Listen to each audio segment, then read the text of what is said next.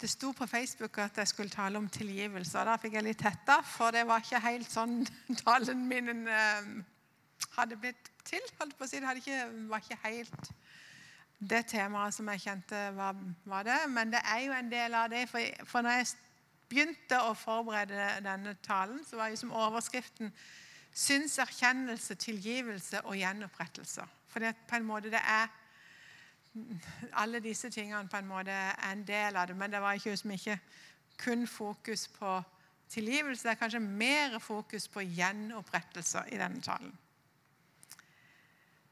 Ehm, det som ja, Jeg begynner med å fortelle. Sara hun levde et, etter sitt eget hjerte. Men hun når bunnen, og hun opplevde at Gud elsker henne som hun er. Og hun blir gjenoppretta når hun gir livet sitt til Herren. Hun opplever at livet skal være til Guds ære og ikke til hennes egoistiske veier. Dette er hovedpersonen i eh, en, to romaner som jeg nylig har lest. Eh, Sara er jødisk eh, jente som bor i Persia. Og hun er niesa til Nehemja. Så eh, Sara hun er rett og slett eh, med på turen til Nehemja. Hun bor i Persia. Og når Nehemja skal dra til Jerusalem for å bygge opp muren, så blir hun og mannen med. Og Derfor så er det sånn at jeg har levd i denne Når jeg hører, hører på lydbok, så har jeg liksom levd i denne tida. Og denne forfatteren her, som er eh, forfatteren heter Tessa Afsar, hun er veldig flink til å male en riktig framstilling av miljøet på den tida. Og, eh, og hun eh, ja, får vist virkelig hvor tøft det var den tida som som eh, Nehemia tar og gjenreiser muren. Eh, det blir òg en personlig reise for de, og da spesielt for mannen hennes, som, eh, som har en reise nærmere og nærmere Gud gjennom å leve nær Nehemia. Så får han oppleve mer og mer hvem Israels Gud er. Og, og han får et spesielt møte der med vannporten. Der Darius, som han heter han her, da, denne persiske mannen til Sara I, nær, i Guds nærvær så faller alle forsvarsverkene. Alt det som har stritta imot Gud. Og til og med de mest holdt på å si hardbarka, de bare faller på kne og bare gråter og er ydmyke om at Gud, han er Herre. Og sånn, sånn er det dere når Guds nærvær virkelig kommer. Vi skal begynne i, i Bibelen og ha en oppsummering fra historien der. For i år 587 før Kristus så ble Jerusalem og erobra av Nebukaneser. Og folket blir bortført til Babel. Tempelet blir ødelagt, og tusenvis av disse her, alle flotte gullkar og alt blir tatt av, av, av Nebukadneser. Og, og, dette var jo blitt profetert over tidligere av Nehemia, nei, Jeremia. mener eh, og, og det at dette skulle skje, men at det, folket skulle få vende hjem etter 70 år. Og 70 år seinere så er det så er det jo sånn at eh, tempelet igjen står i Jerusalem. Eh, for det er perserkongen, som er da en ny perserkonge. Han heter Kyros. Han hadde da kommet med bud om hjemsendelse av Israels folka. Og han, han, de, han, får egentlig et påbud fra Gud om at han skal gjenoppbygge Guds uhus, og det skal gjøres av hans eget folk. Og Derfor så sender han jo med alle de tingene som var blitt robba fra dem, de sender han tilbake igjen til Jerusalem. Men så selv om da Selv om da eh, tempelet er gjenreist og det kommer òg flere, sånn som Esra kommer eh, hjem fra Babel, så står det ikke så veldig bra til der i, i Israel. For han eh, han, eh, fikk, han ser da at den tilstanden i israelsfolket er veldig dårlig. De har tatt til seg hustruer fra omliggende strøk, og de tar og tilber andre guder. Det er, en, det er et frafall ifra Israels Gud. De tilber ikke han. De lever på, på uredelig vis. De har ingen si, eh, moral etter Guds standarder. De bryr seg ikke. Dette er bare så trist. Og det ser Gud. Og og Esra han jobber jo med dette, og han får det. og han, han, er Derfor jeg sier dette flere ganger står det i Bibelen om at folkene de, de, de bøyer seg. Men så tar det ikke så lang tid før de igjen er på vide veier. Og, og dette kommer da eh, munnskjenken Nehemjat for øre. For han hører, Hvordan står det til? De er jo så spente, alle jødene som bor i, i, Persia. De er veldig interessert i hvordan går det nå i Israel. Hvordan går det i Jerusalem? Nei, folk som kommer derfra, de sier at nei, det står ikke bra til. Absolutt ikke det. Jerusalem ligger i ruiner. Det er ingen som vil bo der, for det er utrygt å bo der.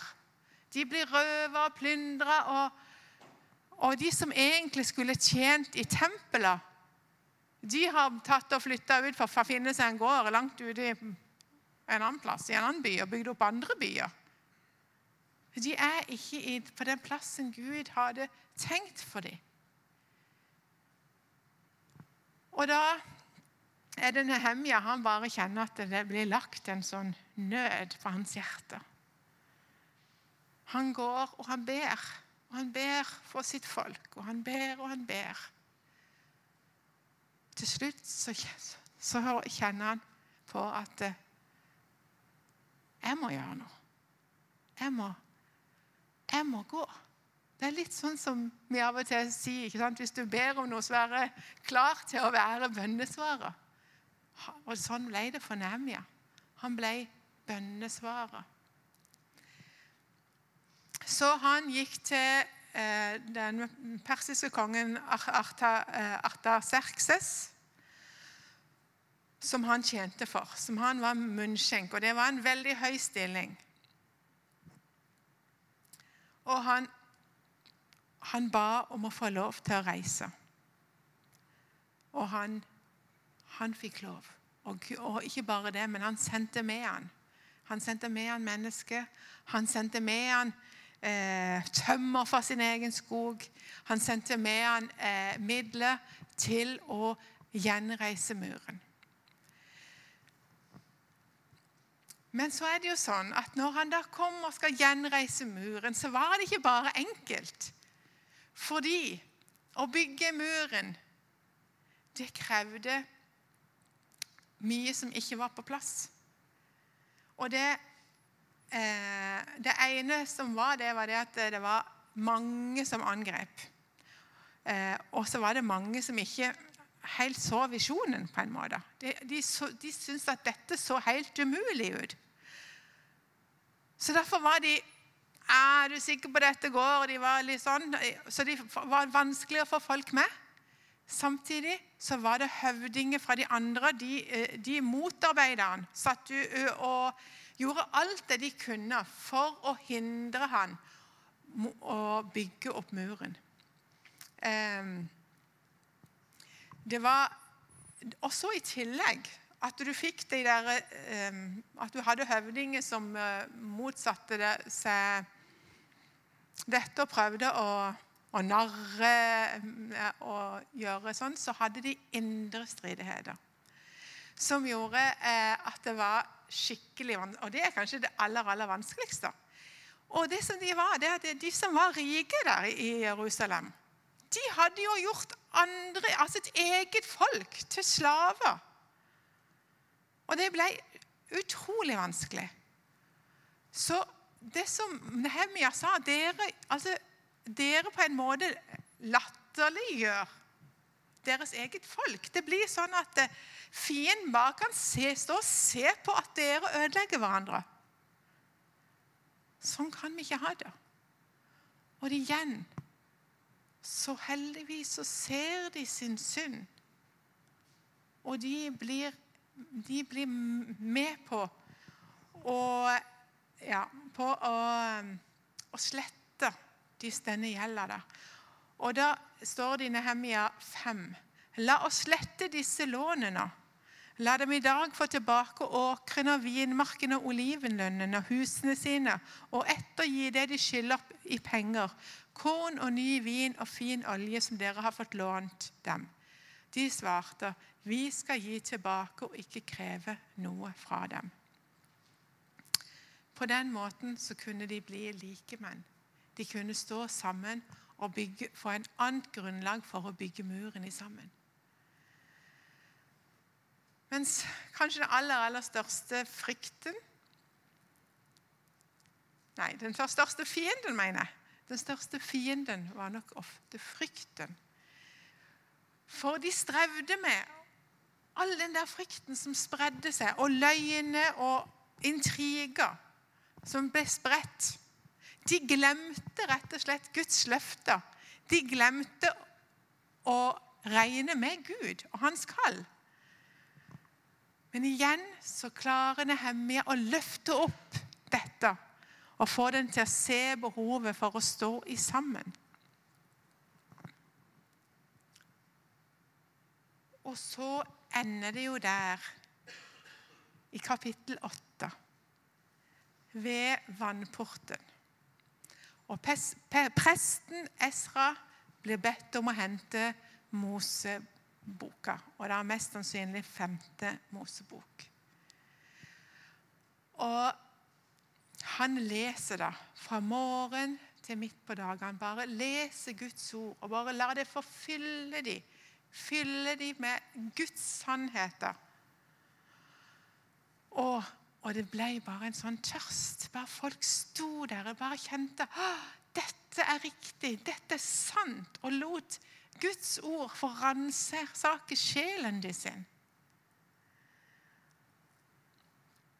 Og det står at de sto med løftede hender mot Gud og bare kjente Han. Og de bøyer seg i støvet for sin Gud. Og Gud, han var der med sitt nærvær.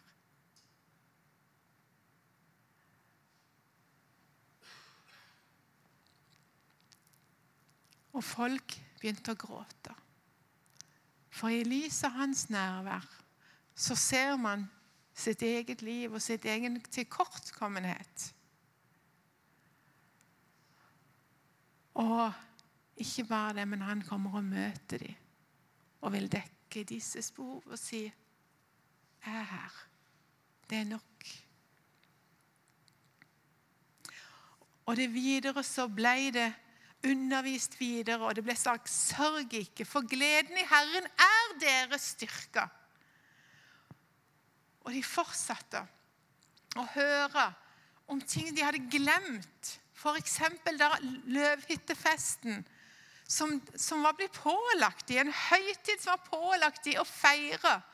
Og vet du hva? Disse høytidene Jeg føler av og til at høytidene våre de blir litt sånn ja, ikke så viktig av og til mange ganger, men det er så viktig å feire dere. Og det er Gud som har sagt at det er viktig å feire, for på, for på den måten så holder vi fram sannheter. Hva som har skjedd, for at ikke vi skal glemme. Og det var det som hadde gjort dette, dette gudsfolket hadde glemt å feire løvhyttefesten. Som var til minne om da Gud lot dem bo i løvhytte, da han førte dem ut av Egypt. Og de hadde fått et bud om å gjøre det Og da skal vi hele menigheten, da de var kommet tilbake fra fangenskapet, laget de løvhytter og bodde i dem.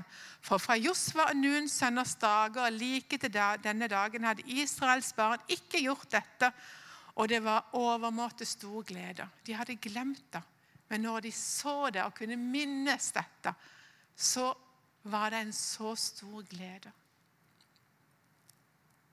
Og etter feiringa så gikk de inn i en bede- og fastetid, der folk gikk i sekk og aske og bekjente sine synder.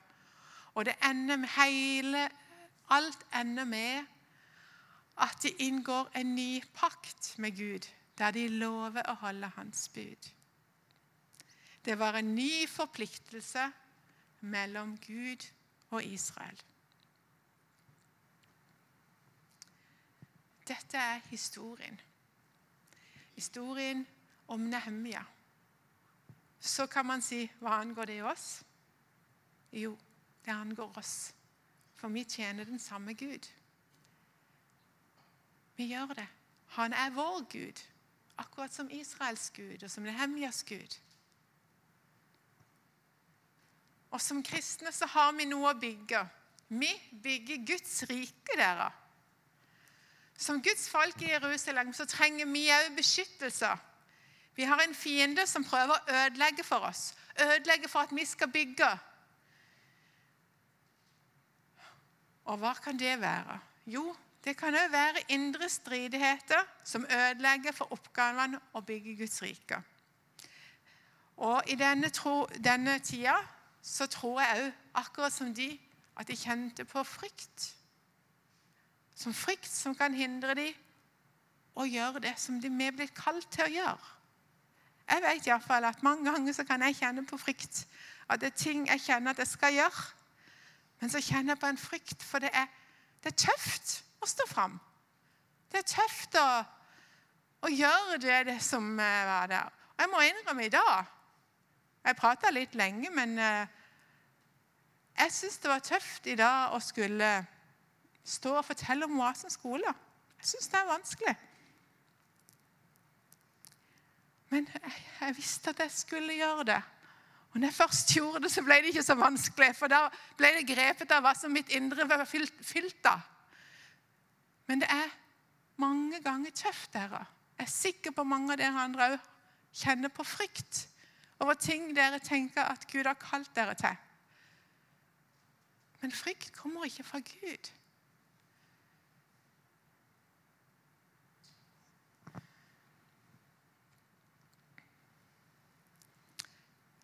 Ingenting av disse ytre tingene som prøver å skremme oss fra å gjøre det som er å bygge Guds rike, det er ikke fra Gud.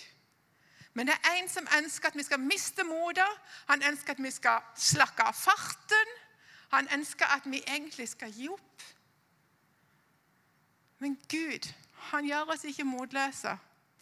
Han gir oss kraft og mot. For som det står i 1. Tim 1,7.: Gud gav oss ikke motløshetens ånd, men kraft og kjærlighets- og syndighetsånd. Gud, han kaller oss til å bøye kne og stå sammen som ett folk. På den måten så kan vi fullføre oppdraget om å bygge Guds rike. Vi lever i en annen tid enn Nehemia. Men Gud er i går og dag den samme, ja, til evig tid.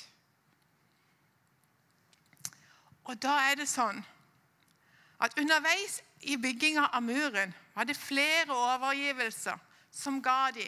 Det ga de frimodighet til å fortsette å bygge på muren må Gud gi oss frimodighet til å forkynne Hans navn. Stolthet over arbeidet med muren det var viktig for israelittene. Og vi trenger stolthet over å forkynne Jesu navn. Å forkynne evangeliet. Det trenger vi. Vi trenger stolthet over menigheten vår. Og nå ønsker jeg å utfordre deg litt. Enten si det inni deg, eller si det der ved siden av. Det kommer an på hvor modig du er. Det er si noe du er stolt over av arbeidet som du er med på innenfor Guds rike. Tenk inni deg, eller si det til noen av dere, til dem på sida, over noen av oppgavene som du kjenner at du er kalt til, som du er stolt av. Tenk over det, iallfall.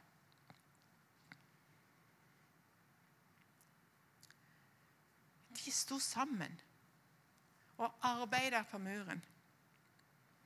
Og det var helt nødvendig at de samarbeida.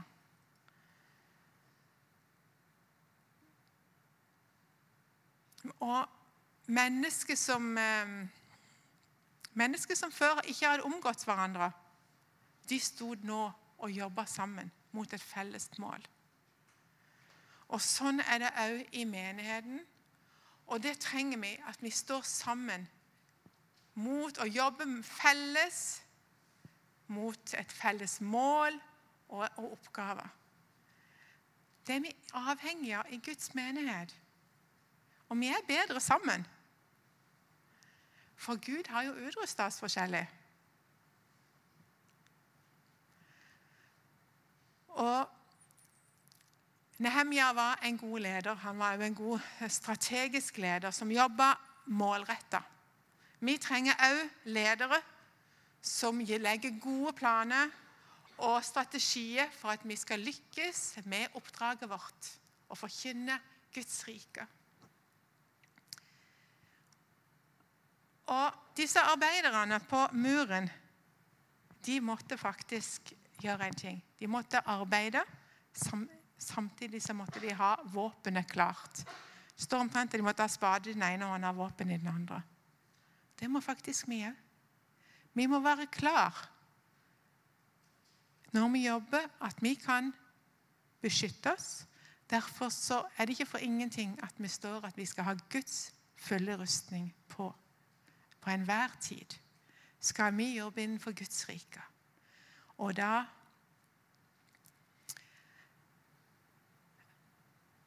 var det òg sånn at um, hele folket gråt da de hørte Guds ord. Guds nærvær var over dem.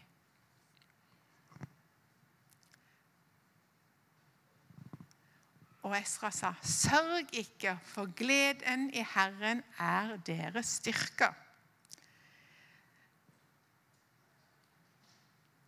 Der hvor gleden i Herren er, er nei, Der hvor gleden er i Herren er stor, vil det renne over. ikke sant? Der som vi bare kjenner at vi gleder, der vil det være mye lettere å fortelle om Jesus. Vi vil bare kjenne at det bobler i hjertet vårt. Så vil det være mye enklere å stå i den oppgaven.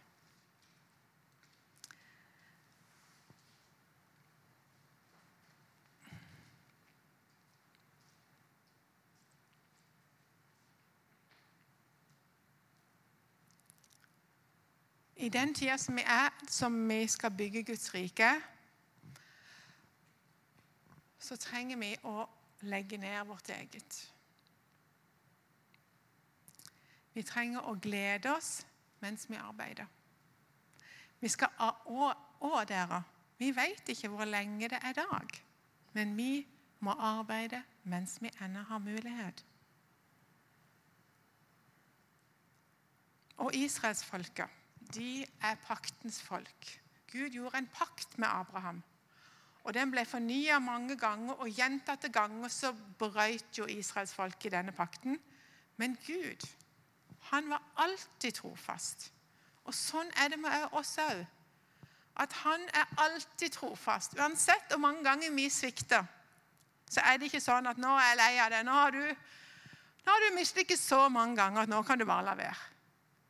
Vi har ikke en sånn Gud. Vi har en trofast Gud som uansett ønsker å dra oss opp på beina igjen og si at gleden i Herren er din styrke. Gå med fred. Det er en, vår Gud.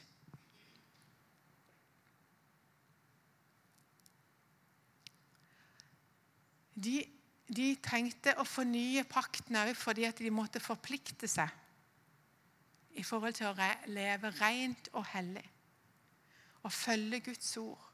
Og Det betyr òg at vi òg må det. Hver enkelt må ta et standpunkt for oss sjøl og gi oss over til Gud på nytt. For de hadde glemt å leve som han. De levde som de sjøl ville. Og så trengte de å fornye dette. Kanskje vi òg må gå i oss sjøl. Har vi begynt å leve som vi sjøl vil? Eller trenger vi å fornye vårt forhold til Gud og legge ned vårt eget og si ikke som jeg vil, men som du vil, Herre?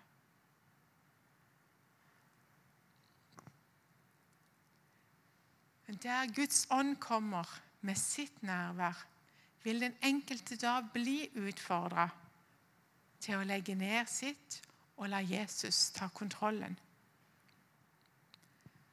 Derfor tenker jeg Å, Herre, vi trenger ditt nærvær. Vi trenger virkelig å bli møtt på den måten.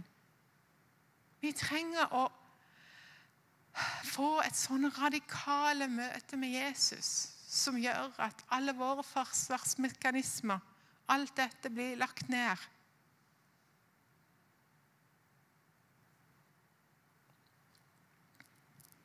For hva er det Jesus ønsker kontroll over? Hva er det vi skal gi til Han?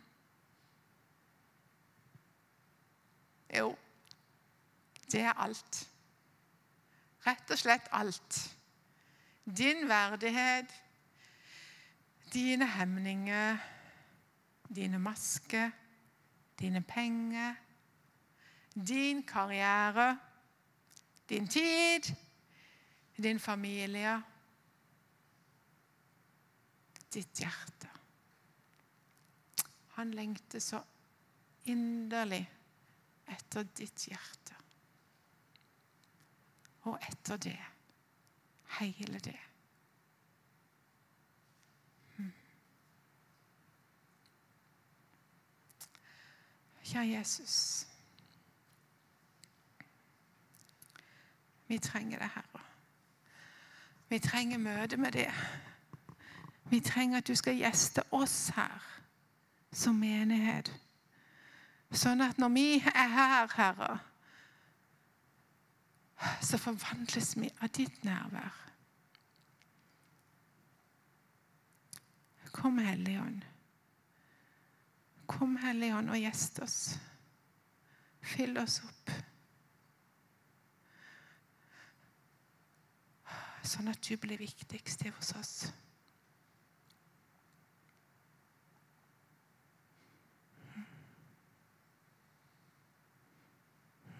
Jesus, Jesus.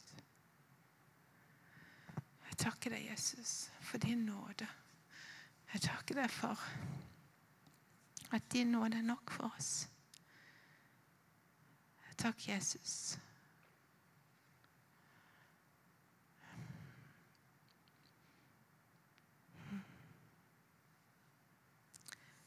Jeg takker deg, Jesus, for at ikke du kommer med masse krav. Men du ønsker bare at vi skal komme til deg